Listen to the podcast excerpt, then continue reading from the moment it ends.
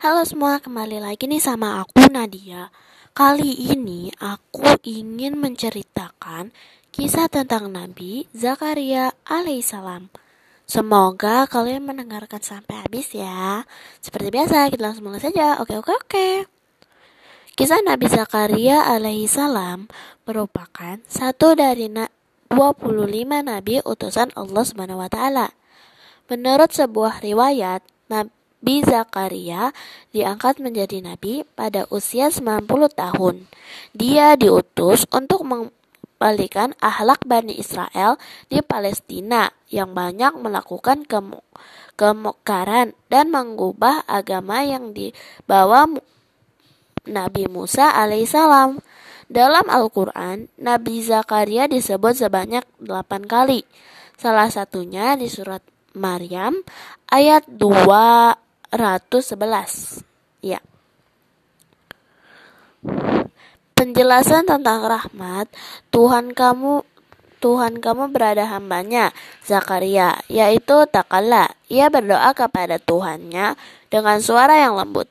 Ia berkata, Ya Tuhanku, sesungguhnya tulangku telah lemah dan kepalaku telah dipenuhi uban dan aku belum pernah kecewa dengan berdoa, dalam berdoa kepada Engkau, ya Tuhanku.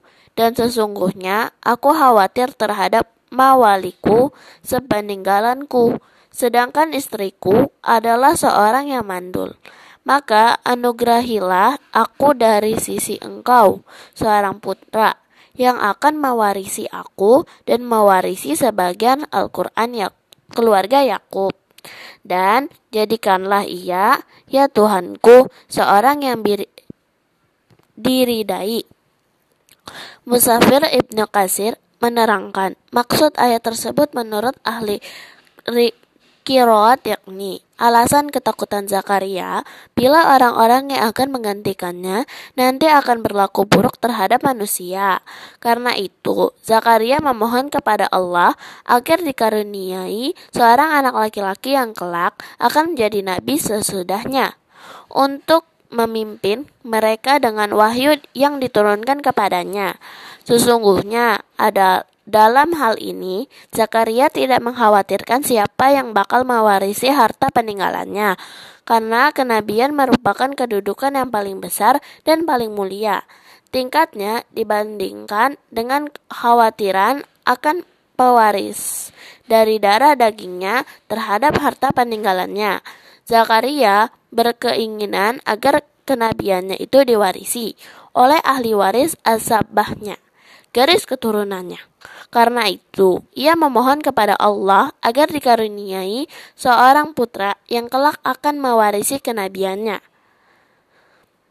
Tiada suatu kisah pun yang menyebut bahwa Zakaria mempunyai harta. Bahkan, dia adalah seorang tukang kayu yang makan dari hasil keringat keringatnya sendiri. Orang yang bermata bermata pencaharian seperti itu tidaklah banyak memiliki harta, terlebih lagi seorang nabi. Karena sesungguhnya para nabi adalah orang yang paling berzuhud terhadap duniawi.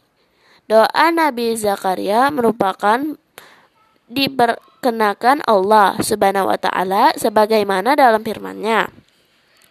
Ya Zakaria inni nubashiruka bi gulami ismu sahwiyah ya lam naj'al lahu min qablu samiyya Artinya, Hai Zakaria, sesungguhnya kami memberi kabar gembira kepadamu dan akan beroleh seorang anak yang namanya Yahya yang sebelumnya kami belum pernah menciptakan orang yang serupa dengan dia. Maryam ayat 6 Kemudian, malaikat Jibril memanggil Zakaria. Sedangkan ia tengah berdiri melakukan sholat di dalam mihrab.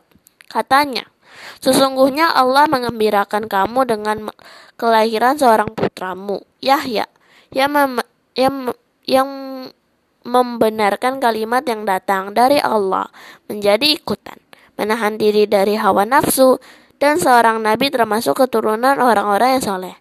Ali, Ali Imran 38 39. Qatadah, Ibnu Zuraid, dan Ibnu Zaid mengatakan bahwa Allah belum pernah menamakan seseorang dengan nama Yahya. Ali ibnu Abu Tohah yang telah meriwayatkan dari Ibnu Abbas sehubungan dengan maknanya bahwa sebelum itu tiada ada tiada tidak ada pasangan mandul yang dapat melahirkan anak seperti dia. Hal ini merupakan dalil yang menunjukkan bahwa Zakaria alaihissalam merupakan tidak banyak anak. Begitu pula istrinya. Dia adalah seorang wanita yang mandul sejak yang mandul sejak semula. Zakaria berkata, "Ya Tuhanku, bagaimana akan ada anak bagiku? Adakah istriku adalah seorang yang mandul, dan aku sendiri sesungguhnya adalah mencapai umur yang sangat tua. Tuhan berfirman, demikianlah Tuhan berfirman, hal itu adalah mudah bagiku, dan sesungguhnya telah aku ciptakan kamu sebelum itu, padahal kamu di waktu itu belum ada sama sekali. Zakaria merasa heran ketika doanya dikabulkan dengan mendapat berita gembira akan kelahiran seorang putra. Maka ke kegembiraannya meledak-ledak. Lalu ia bertanya tentang cara yang menyebabkan ia beranak.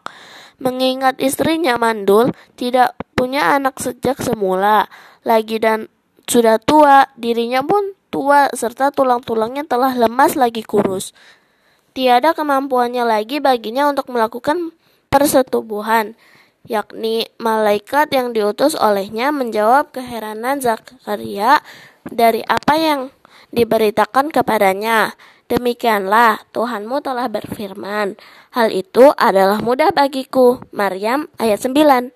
Artinya, Melahirkan anak dari kamu dan istrimu itu bukan dari lainnya adalah mudah sekali bagi Allah. Kemudian disebut kepada Zakaria hal yang lebih mengherankan daripada apa yang dipertanyakan. Zakaria berkata, Ya Tuhanku, berilah aku suatu tanda. Tuhan berfirman, Tanda bagimu ialah bahwa kamu tidak dapat bercakap-cakap dengan manusia selama tiga malam.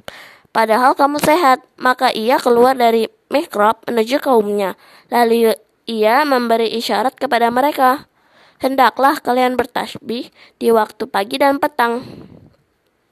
Allah Subhanahu wa taala berfirman menceritakan perihal Nabi Zakaria. Zakaria berkata, "Ya Tuhanku, berilah aku suatu tanda." Maryam ayat 10. Ya, ini bertanda yang mengalih akan datangnya apa yang telah engkau janjinya kepadaku, agar jiwaku tertentam dan hatiku gembira dengan apa yang engkau janjikan. Berkata Zakaria, Berilah aku suatu tanda bahwa istriku mengandung. Allah berfirman, tandanya bagimu kamu tidak dapat berkata-kata dengan manusia selama tiga hari, kecuali dengan isyarat dan sebutlah nama Tuhanmu sebanyak-banyaknya, serta bertasbihlah di waktu petang dan pagi hari. Al-Imran ayat 41